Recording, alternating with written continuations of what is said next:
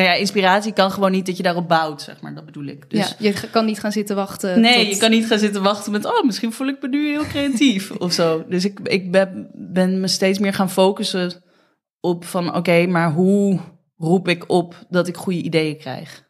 Ready to have some fun?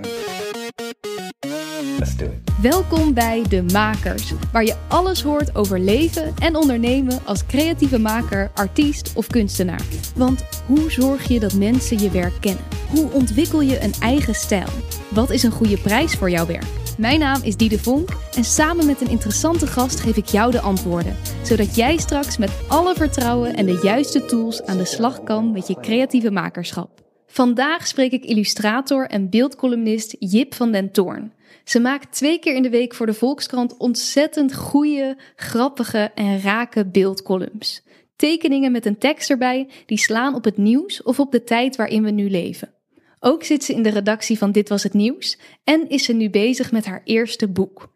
We hebben het over hoe zij haar plek heeft gevonden, over vertrouwen opbouwen in je eigen makerschap, over wat te doen met meningen van anderen en nog heel veel meer. Heel veel luisterplezier, hier is Jip van den Toorn. Jip, heel erg leuk dat je er bent. Ja, vind ik ook. Welkom. Uh, jij bent beeldcolumnist bij de Volkskrant. Ja. Hoe word je zoiets? Ehm, ja, ik, was, eh, ik heb de kunstacademie gedaan in Utrecht, dus de HKU, illustratie. Ehm, en daar was ik mee klaar. En toen, ik dacht eerst van, oh, de hele wereld zit op me te wachten als ik er vandaan kom. En toen kwam ik eraf en toen zat dus echt niemand op me te wachten. Ze stonden niet met Ja. armen open. Teken dingen voor ons. Nee, dat gebeurde niet. En toen ehm, ben ik, toen werkte ik in een pizzeria en toen merkte ik dat ik gewoon steeds meer daar ging werken. En op een gegeven moment was ik manager van die pizzeria. En toen dacht ik, oh shit, ja, nu is mijn hele, eh, mijn hele tekenplan ben ik eigenlijk een beetje verloren. ja.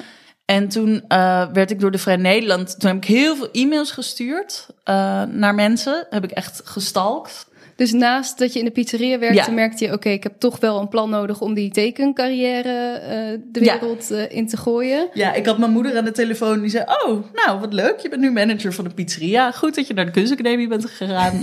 Weet je wel? Dus dat. Ja. eh, en toen dacht ik: Ja, oké, ik moet gewoon ergens binnenkomen. Want als je ergens binnenkomt, dan, dan groei je daarna wel weer meer erin. Krijg je misschien meer opdrachten en zulke Ja. soort dingen. En toen ben ik heel veel e-mails gaan sturen naar beeldredacties. Ging ik opzoeken wie zitten er in de beeldredacties van alle tijdschriften en kranten waar ik voor wil werken. ja, Wat zijn hun e-mailadressen? Hoe zien ze eruit? wat goed. Elke week een soort van, heb je mijn e-mail al gezien? Toen ging ik op Instagram, ging ik allemaal tekeningen eh, plaatsen. En ging ik dan de kranten en tijdschriften taggen waar ik voor wilde werken. Wauw. dus ik werd echt een soort Ging je er dan ook iets bij zeggen van... Nee, gewoon, eh, ik- want ik dacht, ja, die, die beeldredacteuren die kijken natuurlijk ook Ja. naar wat er getagd is of zo. En toen je die mailtjes stuurde, stuurde je dan ook een portfolio mee? Ja. Of, eh, ja, oké. Ja, en dan van, oké, dit is mijn werk. En ik denk gewoon dat ik heel goed bij jullie pas. Ja. En, eh, en zo. Dus zo. En ik heb echt, nou ja, honderden e-mails gestuurd. En dan als iemand niet reageerde, wat heel vaak gebeurde, stuurde ik een maand daarna weer een e-mail en zo maar door.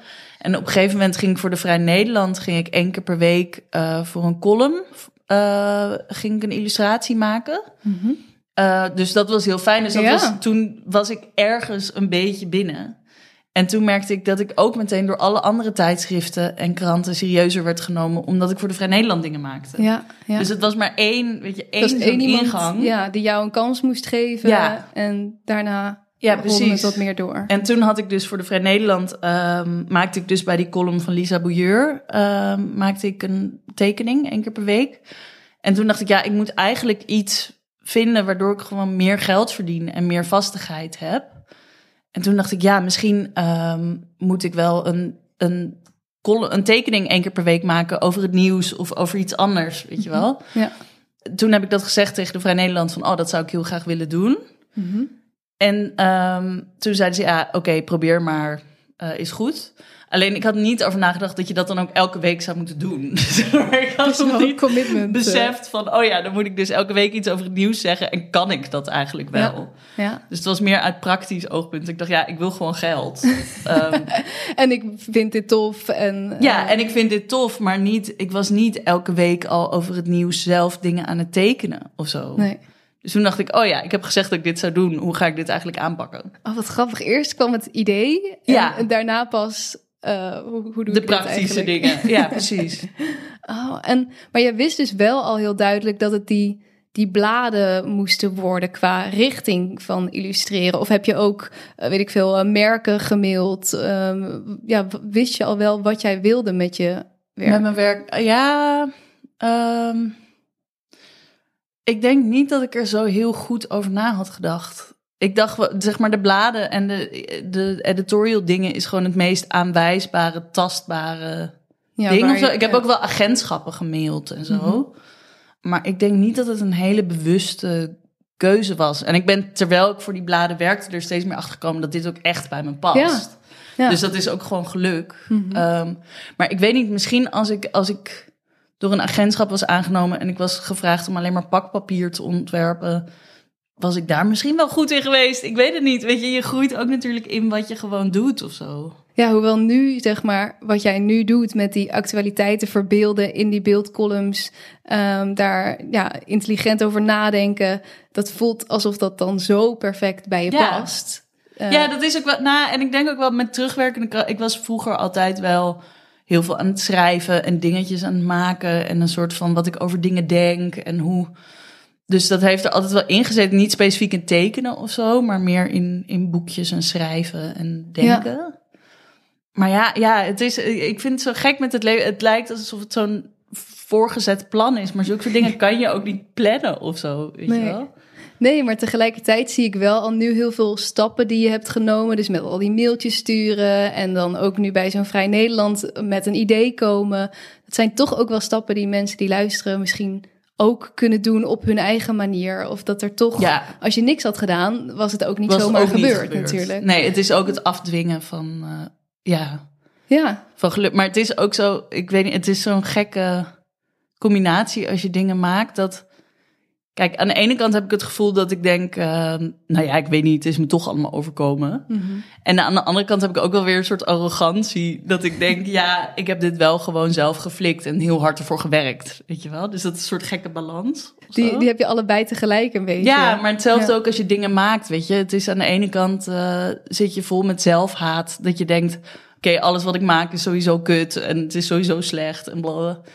En aan de andere kant, ja, stuur ik het toch de wereld in. Dus blijkbaar heb ik toch het gevoel dat ik iets naar buiten moet brengen. Of de mensen iets moet vertellen hoe ik het allemaal vind. En vind ik het blijkbaar goed genoeg om dat wel te doen. Dus het is een soort en arrogantie en zelfhaat in één. ja. Ja, volgens mij is dat echt wel heel herkenbaar voor heel veel makers en Ja, artiesten. toch? Dat je, ja, maar ik denk ook dat dat goed is. Want je, als je alleen maar nou, onzeker bent, dan breng je nooit iets de wereld in. ja. En als je alleen maar denkt, ik heb fantastische Dit is dingen fantastisch, te vertellen, dan dan, is het meestal heel slecht werk. precies, dan, Ja. dan blijf, ga je jezelf ook niet meer bevragen. En dan, Nee. dan is het ja, niet spannend en niet boeiend, denk ik. nee, en dan ontwikkel je ook niet meer. Dan denk je, oké, dit, is, dit is af. Ja. Of zo. Maar wel jammer dat altijd die zelfhaat er toch een beetje Dat bij het erbij zitten. hoort. Ja, maar aan de andere kant denk ik ook wel dat die scherpheid... Ja, het brengt je wel tot dingen. Hetzelfde als met deadlines of zo. Ja. Ik heb dat gewoon nodig. Dat ik denk, shit Jip, dit had je toch echt al veel eerder moeten doen. En nu, ah, ah, ah, weet je, die, die soort... Die druk heb je nodig. Die druk of die adrenaline van... Oké, maar we moeten dit wel gaan flikken. Weet je Ja. wel? Hoewel sommige mensen misschien dat vreselijk zouden vinden. Want jij maakt Ja. twee beeldcolumns in de week. Ja. Daar zit heel veel denkwerk achter. Je moet eh, een idee bedenken. Wat je, dan moet je het ook nog gaan maken. Ehm, voor veel mensen zou dat de hel zijn, denk ik. Nou, voor mezelf soms ook. ja. Want hoe, hoe krijg je dat voor elkaar? Want als jij een keer... Jij kan niet geen inspiratie hebben. Er moet iets komen. Nee. Nee, ja, het idee van inspiratie heb ik ook een beetje losgelaten. Want dat, eh, eh, ja, dat kan gewoon niet. Dus ik heb wel, ik ben nu steeds meer gaan ontwikkelen. eh, dat ik, nou ja, inspiratie kan gewoon niet dat je daarop bouwt, zeg maar. Dat bedoel ik. Dus, ja, je kan niet gaan zitten wachten. Nee, tot- je kan niet gaan zitten wachten met, oh, misschien voel ik me nu heel creatief of zo. Dus ik, ik ben, ben me steeds meer gaan focussen op van, oké, maar hoe roep ik op dat ik goede ideeën krijg? En hoe doe je dat? Ehm, nou, heel veel de krant lezen sowieso. En talkshows kijken. En weten wat er speelt, zeg Ja. maar. Of wat er aan de hand is. Of waar ik over na aan het denken ben. Of Nederland over na aan het denken ben. En eh, heel veel ook wandelen en dingen laten bezinken of zo. En op een gegeven moment, ehm, nou ja, door de loop van een paar dagen... merk ik dat er iets is wat er blijft hangen. Ehm, weet ik veel. Over, eh, dan denk ik van, oké, kinderen zijn heel vervuilend voor het milieu. Bijvoorbeeld. Weet je wel? Dus, Ja. En dan, ehm, dan denk ik, ja, maar aan de andere kant, eh, je zou ook geen kinderen kunnen krijgen of zo, bla bla bla. Dus zulke soort gedachten, die vormen dan allemaal als een soort warboel in mijn hoofd. En uiteindelijk merk ik dat bij een beeldcolumn het gewoon heel handig is om in één zin te kunnen vertellen waar het over gaat. Ja. Want het ding bij een beeldcolumn is ook, het is één beeld. Dus ik kan geen nuances laten zien. Ik kan niet deze kant van het verhaal en dan die kant. Nee. Dus het moet een heel heldere gedachte zijn, Mhm. die ik dan in beeld moet brengen. Dus Ja. op het moment dat ik één heldere gedachte, dus één zin heb, waarvan ik denk, oké, dit is waar het over gaat, dit wil ik zeggen. Dan denk ik, oké, maar hoe kan je dat dan laten zien in beeld? Dus hoe kan je in één beeld herkennen dat het ook daarover gaat? En meestal in een zin zitten er ook aspecten van, nou ja, bijvoorbeeld een vliegtuig. Hoe laat je een vliegtuig zien? Laat je het van buiten zien, van binnen? Ja. Weet je, zulke soort Ook nog weer duizenden opties heb ja, je dan? precies. Dus, maar dan is het bijna een soort sudoku van... oké, ik wil dit vertellen, hoe breng ik dat over? Mhm. En dat is dan... Nou ja, dat heeft bijna niet meer met creativiteit te maken. Dat is meer een soort puzzel met lo- logische keuzes. Ja. Dus op, op inspiratie kan je gewoon niet echt rekenen. Zeker niet twee keer per week Nee. met, met die onderwerpen en zo. Dus, dus eh, ja, ik begin nu steeds meer een soort manier van werken te vinden... Ja, dus voor door, mij werkt. door veel lezen, veel kijken, eh, het laten bezinken, wandelen. Ja, veel praten ook met mensen, Ja? op discussies. En gewoon altijd openstaan. Want nou ja, ik merkte dat ook bij toen ik eh, één keer per week mijn beeldcolumn had. Mhm. ehm, werd, werd me gevraagd of ik dat twee keer per week zou willen doen. En toen dacht ik, oh shit, want die één keer per week is al... was echt een soort bevalling dat ik al op maandag dacht... oh jee, wat, wat ga ik op vrijdag inleveren? Ja. wel? Alleen ik merk nu dat, dat ehm, eigenlijk twee dingen... Ik heb, ik heb voor de zaterdag had ik gewoon best wel veel regels voor mezelf... van wat een beeldcolumn in moest houden of wat ik wou brengen. Wat voor dingen dan bijvoorbeeld? Ehm, nou, eh, ik wou dat het altijd iets over het nieuws zegt... Mhm. en dat het een soort nieuwe kijk geeft. Ja. Dus bijvoorbeeld wanneer Poetin eh, Oekraïne binnenvalt, dan wil ik niet Poetin op een raket maken. Nee, nee. Want dat, is dan gewoon laten zien wat het is. Ja. En ik wil wel een soort nieuwe gedachte Ja. laten zien. Ehm, en voor de dinsdag dacht ik, ja, ik wil eigenlijk een soort nieuwe regels voor mezelf geven. Want anders dan word ik gek. Mhm. En toen dacht en het is ook leuk als het verschillend is, weet je wel. Ja. En toen dacht ik, ja, voor de dinsdag wil ik eigenlijk veel meer op een soort menselijk, intermenselijk eh, rare dingen zitten. Ah. Dus misschien wat tijdlozer of zo. ja, dus het hoeft niet dan in het, het nieuws hoeft te niet zijn. dan in het nieuws te zijn, maar meer een soort Peter van Straten-achtig. Ja. ehm, van hoe, hoe raar gaan mensen eigenlijk met elkaar om? Of wat voor maniertjes, of hoe cultureel. Ja, hij is van die zeurkalenders met Ja, ja, die, ja, eh, precies. schetsen. Nou ja, Ja, zoek het op als je het niet kent. Maar ja, Ja. dus inderdaad tijdlozer en meer over de ja. intermenselijke relaties. Ja, en ik merk dat het Ah. eigenlijk veel meer vrijheid geeft. Dus Ja. ik maak wel twee keer per week die beeldcolumn, maar ik heb veel meer ruimte of zo. Dus ik heb een hele nieuwe pool om uit te vissen. Ja, dat is fijn. En doordat ik het twee keer per week heb, ehm, zit ik gewoon in die flow. Dus hoef ik niet de hele tijd op te starten. Dus ik sta gewoon nu de hele tijd aan. en dan, en dan ja, precies. Gewoon altijd aan het werk. Ehm, nee, en dan schrijf ik het gewoon, schrijf ik het op wanneer ik een gedachte heb of Ja. wanneer ik iets eh, denk van, oh, dat is iets. En dan denk ik ook vaak, oh nee, dit is meer voor de dinsdag of dit is meer voor de zaterdag. Of, En zakelijk gezien dan, je doet nu twee beeldcolumns in de week. Eh, Is dat een fulltime baan? Verdien je daar genoeg mee? Ja, ja, op zich verdien ik daar genoeg mee. Mhm. Ehm, maar ik ben daarnaast nog ook met allemaal andere dingen bezig. Dus ja, je schrijft, eh, je bent bezig met een boek. Ja. Je bent redacteur bij Dit Was Het Nieuws. Ja. Dus je re- presteert eigenlijk altijd best wel onder veel druk. Ehm, heb je manieren gevonden voor jezelf om daarin eh, ook ontspanning te vinden of om dat vol te houden? Uh, ja. ja, ook heel erg. Um, uh, ik doe heel veel vechtsport. Mm -hmm. Dus ik, uh, ik train, ik doe MMA. Ja. Um, dus ik heb heel veel gekickboxd en nu ben ik ook meer sambo aan het doen. En dat is niet samba, maar veel mensen. Het is een hele gevaarlijke oh, nee, samba. Ja, vergissing. Um, nee, sambo is een beetje zoals Braziliaans jiu-jitsu. Dus op de grond, zeg maar, mm -hmm. wat je bij MMA doet. Ja. Alleen dan de Sovjet-versie. Dus de, nice. ja, het is een soort heel nasty met, met knieschijven breken en neckcranks. Want jij vindt dus toch, zeg maar, in dit drukke bestaan de, de mogelijkheid om dit zo vijf dagen per week te doen. Ja. En ja, wat doet het voor jou? Dat, dat maakt je hoofd leeg? Of? Ja, het laat, je kan gewoon niet nadenken ja. als je dat doet. En, dat is, en ik ben zo de hele dag aan het denken en van wat vind ik hier eigenlijk van. Je wordt ook een beetje gek van jezelf. Als je de hele tijd, want het betekent ook dat je je meningen en je gedachten heel serieus moet nemen. Ja. Wat, wat wel goed is, zeg maar, het is ook wel een soort leerproces voor mezelf. Dat ik denk, oh ja, deze gedachte is het waard om te volgen en uit te werken of zo. Maar je kan jezelf helemaal gek maken. Dus ik vind het heel fijn om gewoon in een soort oerenergie te zitten en gewoon te vechten en ja. te, te trainen en te bewegen en te doen. En ik wandel veel met mijn hond ook. Dus het is toch ook wel in het fysieke. Ja, in het fysieke het merk ik dat het heel erg. Uh, en, en ook, ook met uitgaan of zo, met dansen of uh, ja, sociaal met mensen. Dus zeg maar alles wat het tegenovergestelde is van in je eentje als een soort kluizenaar tekenen. Ja. Merk ik dat ik gewoon nodig heb. Want anders word ik gewoon gek. En dan worden mijn ideeën ook niet beter van of zo. Nee, als je alleen maar in je eigen kringetje of je eigen ja. huisje, in je eigen gedachten zo'n rondje aan het draaien bent, ja, dan. Ja, en het is ook gek, want het is. Um, kijk, ik maak dingen over de wereld of de maatschappij om me heen. Ja. Dus als ik in mijn eentje in een soort hok ga zitten, dan, dan word je ook vervreemd of zo. Ja. Van hoe... En wat ook gek is, is dat ik zeg maar, ik teken die dingen en je wil iets communiceren naar mensen, Mhm. maar ik bedenk dat allemaal alleen. Ja.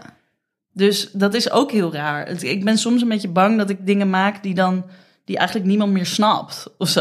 Snap je? Dus ja. je moet in contact blijven met de, met de maatschappij en met andere mensen, want anders dan en da, je zei, rare kluizenaar. Je zei ook net, ik, ben, ik, ik heb het er veel met mensen over, dus dat helpt jou ook eigenlijk in, voordat je het naar buiten brengt, het al eventjes met mensen... Ja, ja, ik heb soms wel dat ik even check of, of zinnetjes kloppen, of dat mensen het snappen, Mhm. of dat het opgepakt wordt of zo. Ja.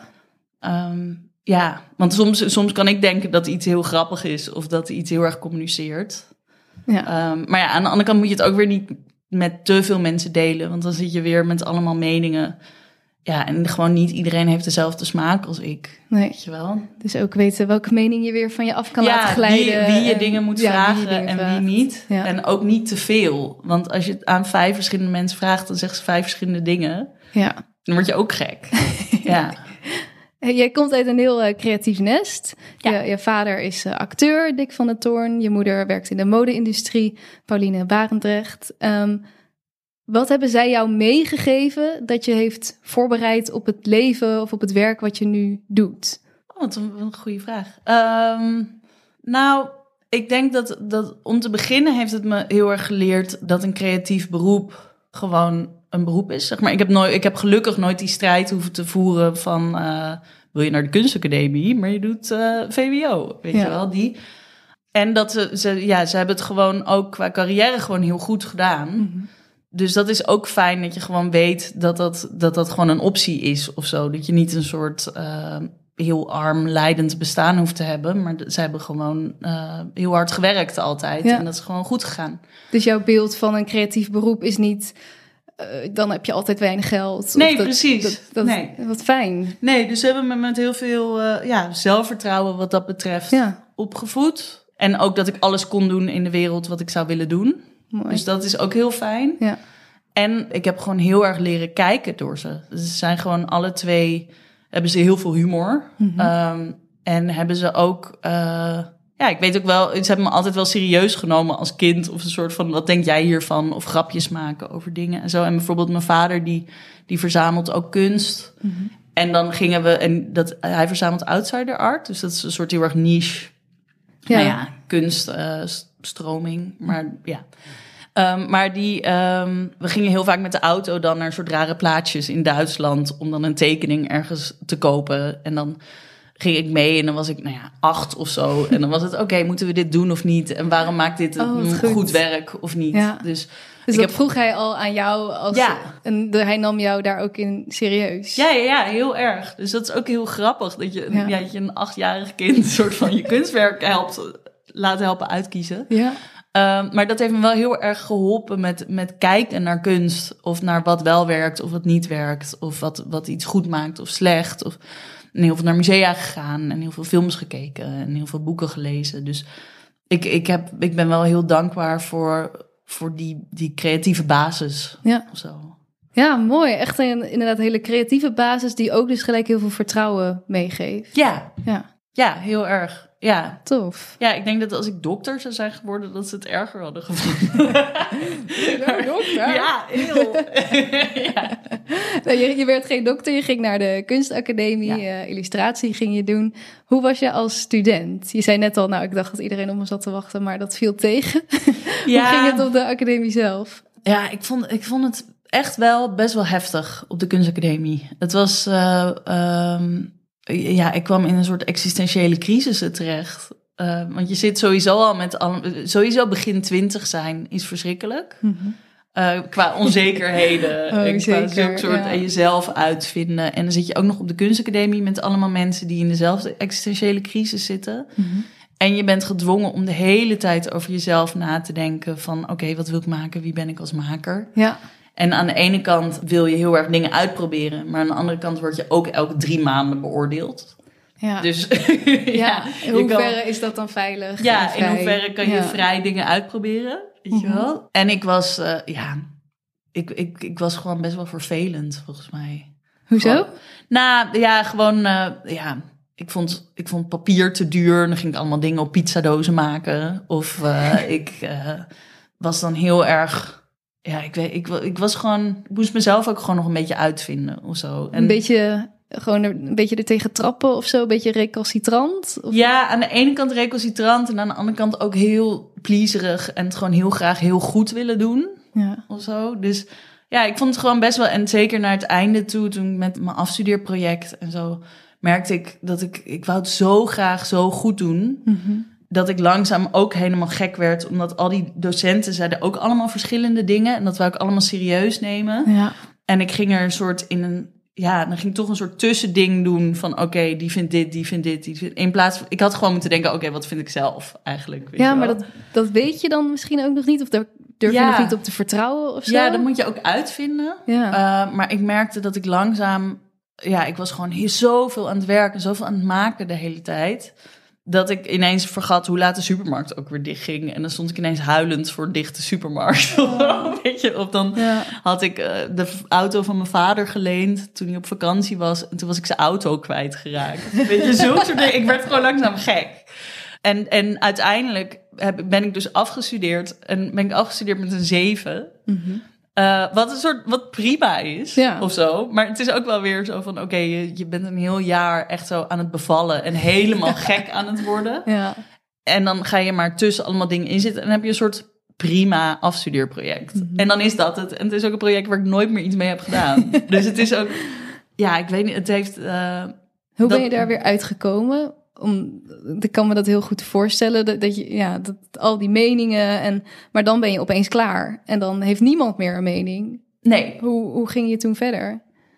nou ja, dat was toen in die, in die stalkerige periode. Met dat de ik in pizzeria en de, en de mailen? Ja, ehm, ja, het is natuurlijk, je hebt altijd te maken met meningen. Want dat heb ik nu bijvoorbeeld ook heel erg met de krant of met, eh, nou ja, ook met de slimste mensen. Is nu, zit ik op Twitter zitten mensen zulke rare dingen te zeggen. Zo grappig. Maar ik denk dat dat eigenlijk het grootste leerproces is geweest om minder met andere mensen hun mening, om zeg maar meer voor mezelf te staan. Ja. Weet je wel? En dat is, ik denk dat vechtsport daar heel erg mee heeft geholpen Mhm. om gewoon te denken: oké, hier sta ik, ik mag er zijn, ik kan dit. Weet je wel, dat.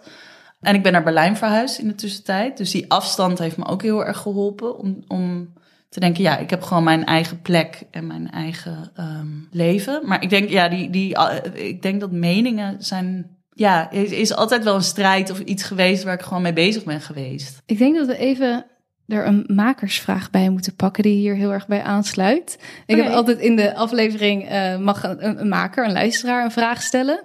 En ehm, deze keer is dat iemand die jij kent. Oh, oké. Eh, namelijk Vee Reinaert. Oh, Eh, Singer-songwriter. Zij is hier eerder te gast geweest. Volgens mij kennen jullie elkaar Dat is goed. mijn beste vriendin. Nou, ja. En Oh, wat leuk. zij heeft een vraag voor jou eh, die ook hier een beetje over gaat. Dus ik pak Oké. hem erbij. Spannend. Surprise! Hey lieve Jip, Vee hier. Ik vroeg me af, ehm, je krijgt altijd heel veel reacties op je werk, vooral je werk ehm, van de Volkskrant. En ik vroeg me af, hoe ga je om met boze reacties of haatmails die je krijgt? Dikke kus, doeg! Oh, droppie.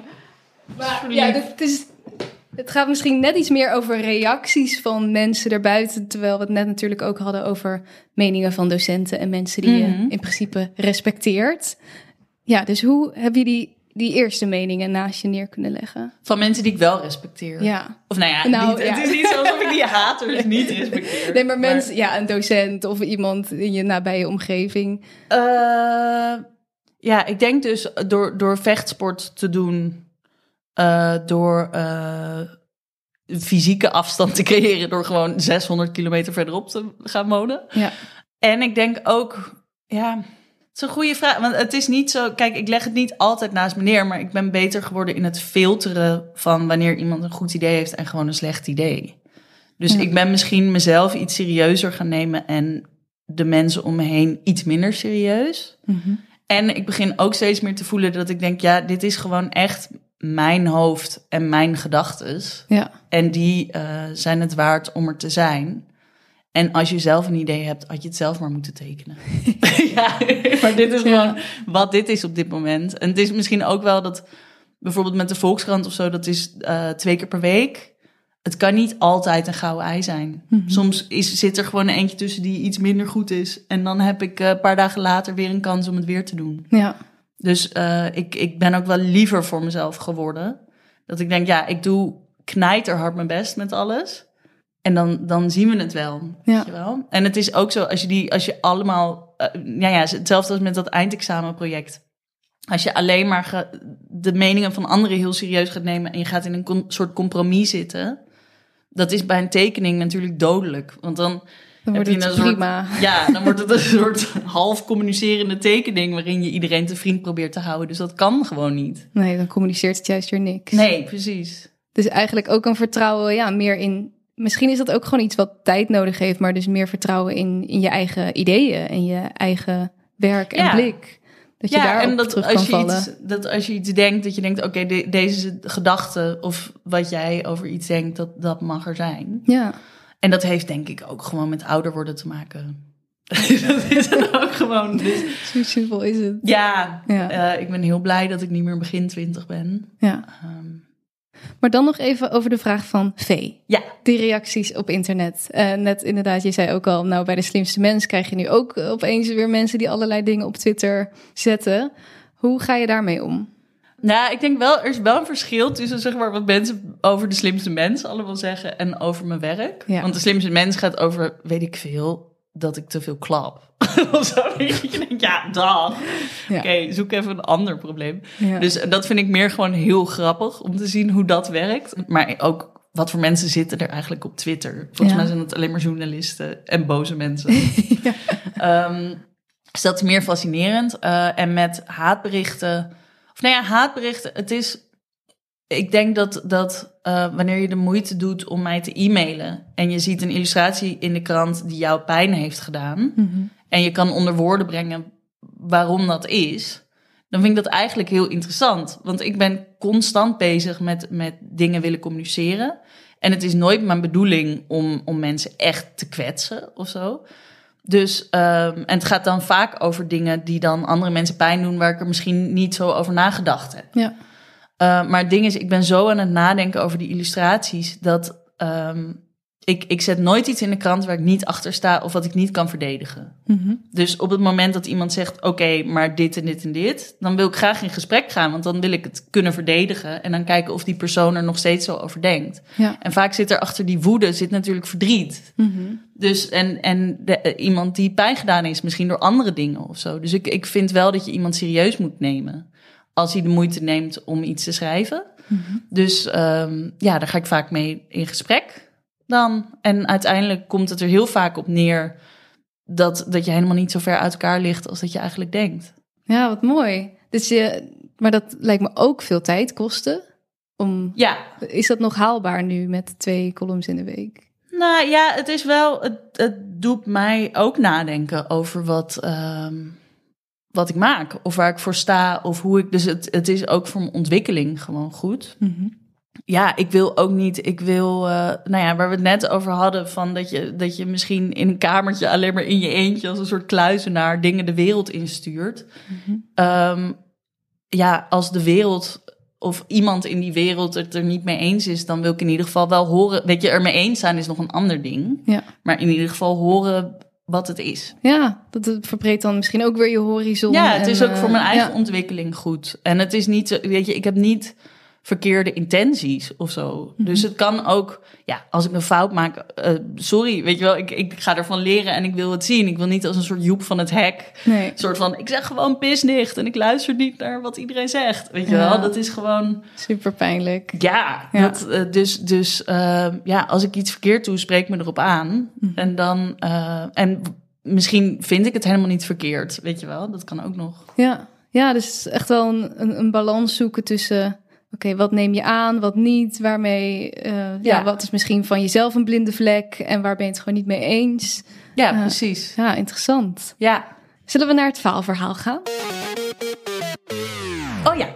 Eh, ja, maar het was dus... Ja, ik heb nooit, zeg maar, weet ik veel, ergens... Ja, eh, iets met poep of zo.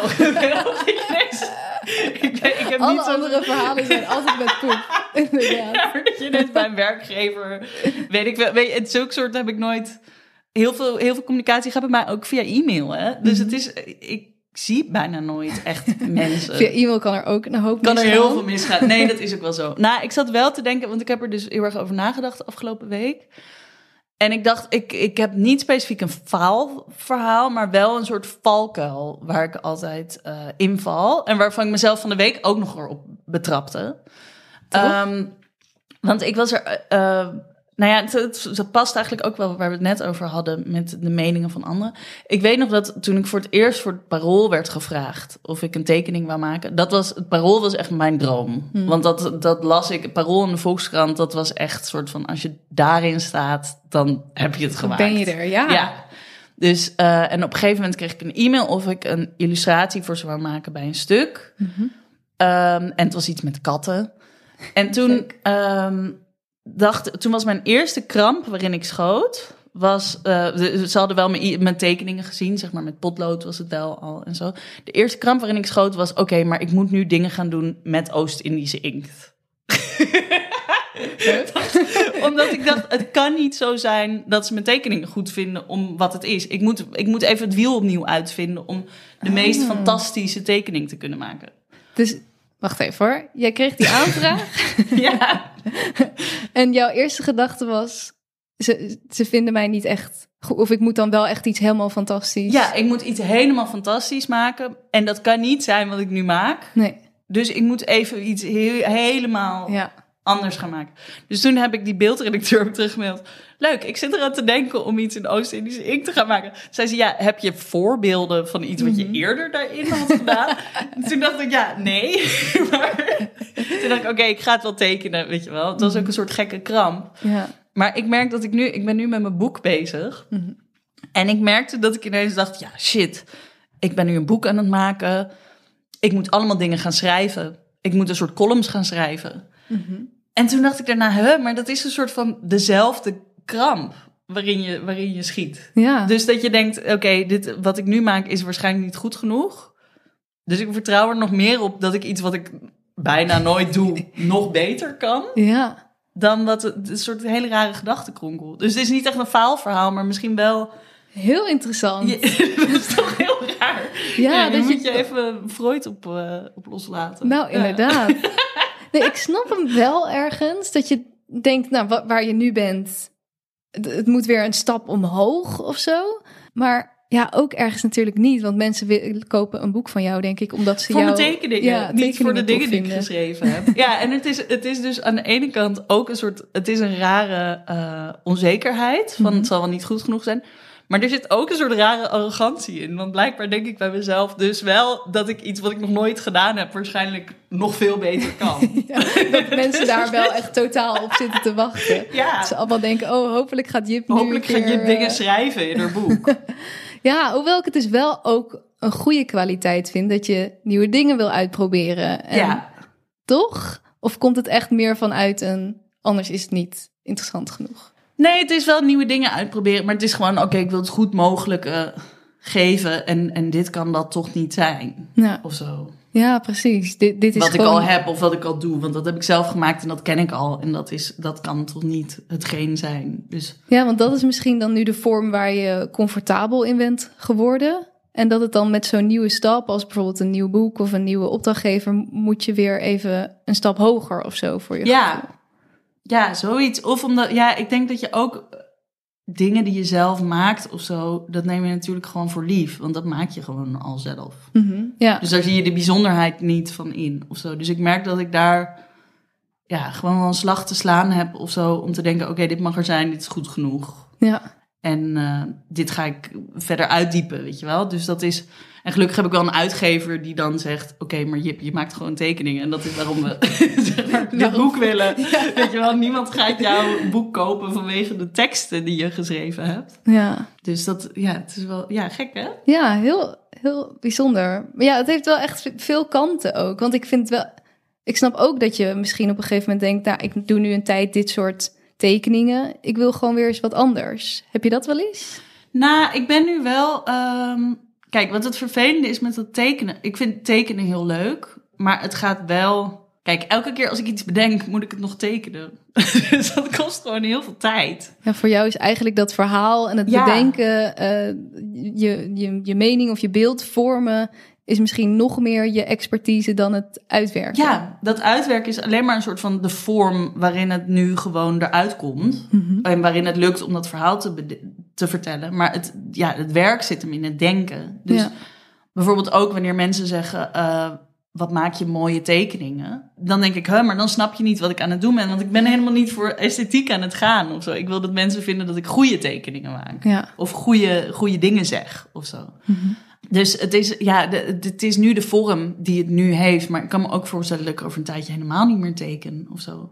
En ik ben bijvoorbeeld, want ik ben nu met het boek bezig. En ik zit in de redactie van Dit Was Het Nieuws.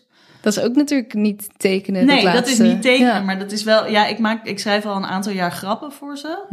Eh, en nu vanaf afgelopen seizoen zit ik ook echt in de redactie. Dus dan ben ik Ja. en grappen aan het schrijven en het programma gewoon aan het maken. Wat erin komt en wat niet. En, en grappen schrijven, dat lijkt alsof het iets heel, heel anders is dan cartoonist zijn. Maar het is eigenlijk precies hetzelfde. Want Ja. dat is ook in één zin. En kijken van, oké, wat wil ik zeggen? Hoe breng ik dat over? Welke woorden kies ik? En hoe doe ik dat zo? Dus ja, dat is ook een vorm die goed bij het, bij het... Ja, ik vind dat zo suf als mensen zeggen... oh, ik wil verhalen vertellen. Maar die, die, ja, gewoon Ja. met je mening over wat je vindt... da- daar met humor naar kijken. Ja. Dat is grappen schrijven en tekenen. En misschien iets anders waarvan ik nog niet weet dat het bestaat. ja, het kan in vele vormen Ja. komen. En dat je nu deze vorm hebt en dat die goed werkt, wil niet zeggen dat je dat altijd blijft doen. Nee, nee. En hoe ben je dan bij Dit Was Het Nieuws terechtgekomen? Want zij werken daar inderdaad met een pool van grappenschrijvers eigenlijk. Ja, Hoe, ja, dat, dat klinkt ook als weer inderdaad een grote stap vanuit jouw werk naar dat. Eh, ja, maar dus eigenlijk niet. Omdat het ook die grappen is gewoon ook een tekening. Maar dan hoef je het niet te tekenen. mhm. Wat heel fijn is. Want dan scheelt gewoon heel veel tijd. Mhm. Maar ik kende iemand die al grappen voor ze schreef. En eh, ja, die, die zei al, wil je dat ook niet proberen? En toen ben ik gaan proefschrijven. En eh, sindsdien schrijf ik grappen voor ze. Ja. Dus, en het is, ja, het is heel leuk, want het is ook die druk of zo van hetzelfde als met tekenen. Eh, want op zo'n dag, je krijgt dan op maandagavond krijg je het grove script. Mhm.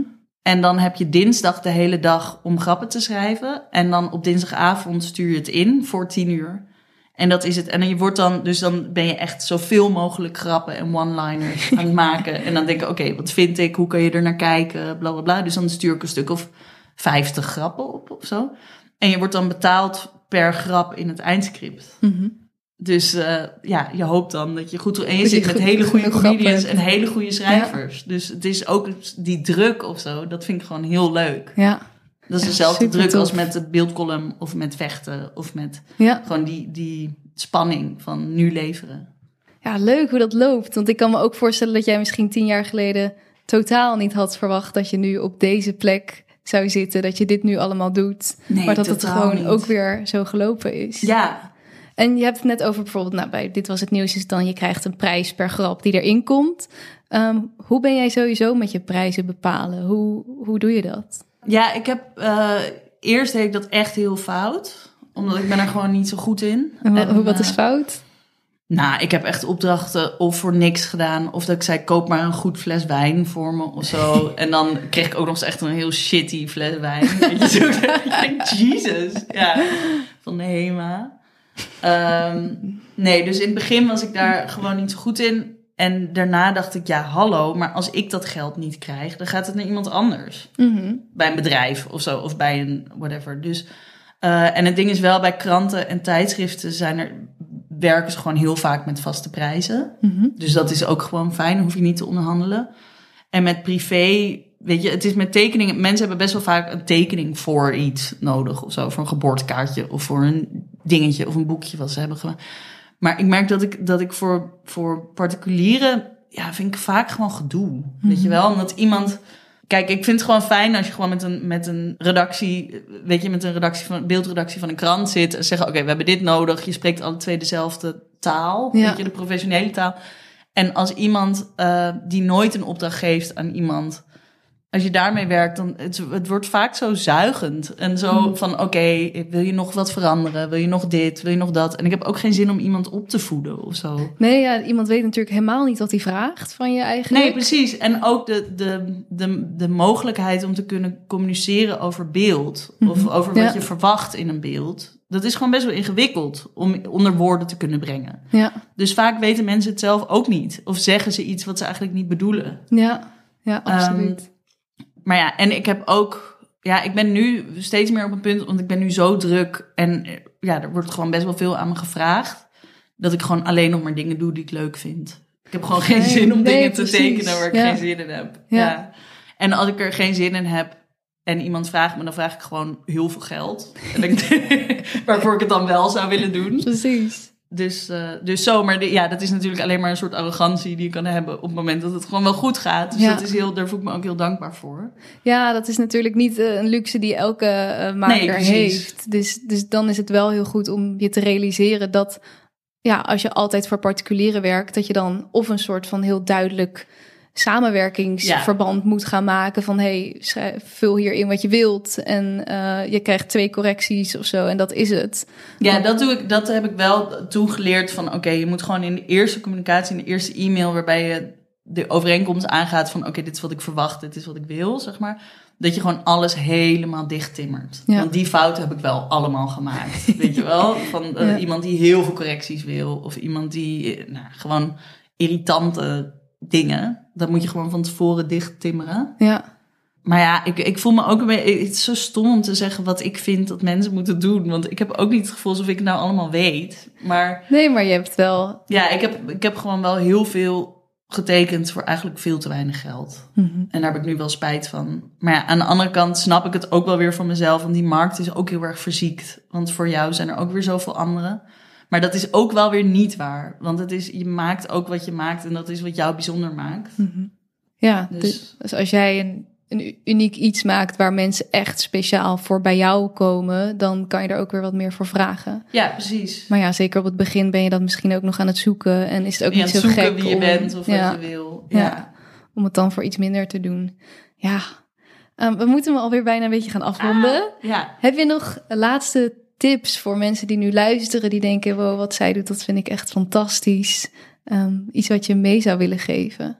Nou, ik denk, ja, misschien naar aanleiding van ons gesprek nu, misschien wel gewoon dat je moet vertrouwen in jezelf. En dat dat wel uh, goed komt. Ja, vertrouw jezelf klinkt ook zo heel dom. Ja, maar het is toch gewoon maar doen en aanmodderen. Toch? En dan uh, komt het waarschijnlijk wel weer goed. dat is gewoon, ja... Uh, ja, het doen en aanmodderen. Maar ja, blijf, blijf proberen, weet je wel. Ga niet uh, blijven hangen in pizza's serveren. Dat is het ook gewoon. Verzin een list. Wat bedoel je met een list? Nou ja, van verzin, verzin een truc om eruit te komen of om te doen. Weet je, ga al die mensen mailen, ga alles stalken. Ja. Probeer het een beetje af te dwingen dat het gewoon lukt. Weet je wel, want het kan, het kan gewoon. Ja, dat is wel echt een goeie. Want ik, het is heel logisch dat je een baantje zoekt, zeker als je net klaar bent en dat je dan iets voor erbij doet. Maar Ah, ja, het is ook heel makkelijk om daar dan in te blijven hangen. Ja, want, heel. Want dat is een soort zekerheid. Ehm, en dan wordt het misschien steeds weer een grotere stap om daar ook weer uit te komen. Ja. Ja. Nee, knap hoe je dat hebt gedaan. Eh, ja, thanks. Zijn er nog toekomstdromen die je hebt? Wat kunnen we van je verwachten de komende jaren? Nou, sowieso even mijn boek afmaken. Mhm. Dat is dicht bij je toekomst eigenlijk. Ja, wanneer eh, komt die uit? In november. November. Ja. Leuk. Ja, Heel veel zin in. Dus uh, koop mijn boek. Gewoon eerst het boek en dan zien we weer En dan zien we daarna wel weer verder. Ja. Top, heel erg bedankt. Ja, jij bedankt. Ik vond het heel leuk. Gelukkig. Dat was het gesprek. Dankjewel Jip en jij heel veel dank voor het luisteren. Hier zijn mijn grootste lessen uit dit gesprek. 1. Hoewel het soms lijkt alsof alles toevallig zo gelopen is, is Jip toch ook ontzettend bewust op haar doel afgegaan. Naast haar baantje in de pizzeria ging ze ondertussen wel alle beeldredacties en bladen mailen met haar werk. Ze zocht op welke personen ze moest hebben en mailde deze direct. Als ze geen reactie kreeg, stuurde ze er weer een mail achteraan. Het voelt misschien alsof niemand op je zit te wachten, maar ze zijn er echt. Ze moeten alleen weten dat jij er bent. En dat kan alleen maar als jij actief laat weten dat je er bent, zoals Jip dus ook deed. 2. Jips opvoeding zorgde bij haar voor een heel positief beeld over het leven in een creatief beroep. Haar ouders doen het allebei goed en stimuleerden haar creativiteit al van jongs af aan. Natuurlijk heeft helaas niet iedereen zo'n opvoeding gehad, maar je kunt wel zorgen dat je jouw beeld van een creatief beroep bijstelt. Zoek naar voorbeelden van makers die het hartstikke goed doen Kijk naar hoe zij het hebben aangepakt. Zo zul je zien dat alles mogelijk is als jij vertrouwen hebt en je eigen makerschap serieus neemt. 3. Als jij in jouw werk veel te maken hebt met particuliere opdrachtgevers, zorg dan dat je van tevoren echt goed dichttimmert wat jouw werk precies is. Op deze manier weten mensen wat ze kunnen verwachten en voorkom je dat je veel te veel werk doet voor veel te weinig geld. 4. Op haar opleiding werd Jip overspoeld door verschillende meningen. Ze was ontzettend op zoek naar wie ze was als maker en wilde ondertussen iedereen tevreden houden. Hierdoor werd haar eindwerk een compromis en wist ze nog steeds niet zelf wat ze precies wilde. Met de tijd durfde ze steeds meer te vertrouwen op haar eigen makerschap. Geef het dus wat tijd. 5. Om om te gaan met stress helpt het voor Jip om totaal het tegenovergestelde te doen van haar werk. Door vechtsport wordt ze gedwongen om niet na te denken en echt in haar lichaam te zitten. Daarbij helpt dit haar ook om haar ruimte in te nemen en echt te staan voor haar werk. Verder helpen dingen als uitgaan en heel veel mensen zien haar ook om om te gaan met de hoge werkdruk. Ga dus op zoek naar wat dit voor jou kan zijn en zoek het eens op een onverwachte plek. Ik ben heel benieuwd wat jouw grote lessen waren uit dit gesprek. Deel het met me via Instagram, @demakerspodcast. Ik wens je heel veel maakinspiratie toe en tot de volgende aflevering. Vond je dit een interessante of leuke aflevering? Heb je er iets aan gehad? Volg of abonneer je dan op de makers in de podcast-apps. Een recensie achterlaten is altijd fijn en om niks te missen, abonneer je je op het Instagram-kanaal @demakerspodcast. Heb jij nou een prangende makersvraag? Of wil je zelf een podcast starten en kan je daar wel wat hulp bij gebruiken? Stuur dan een mailtje naar info@demakerspodcast.com.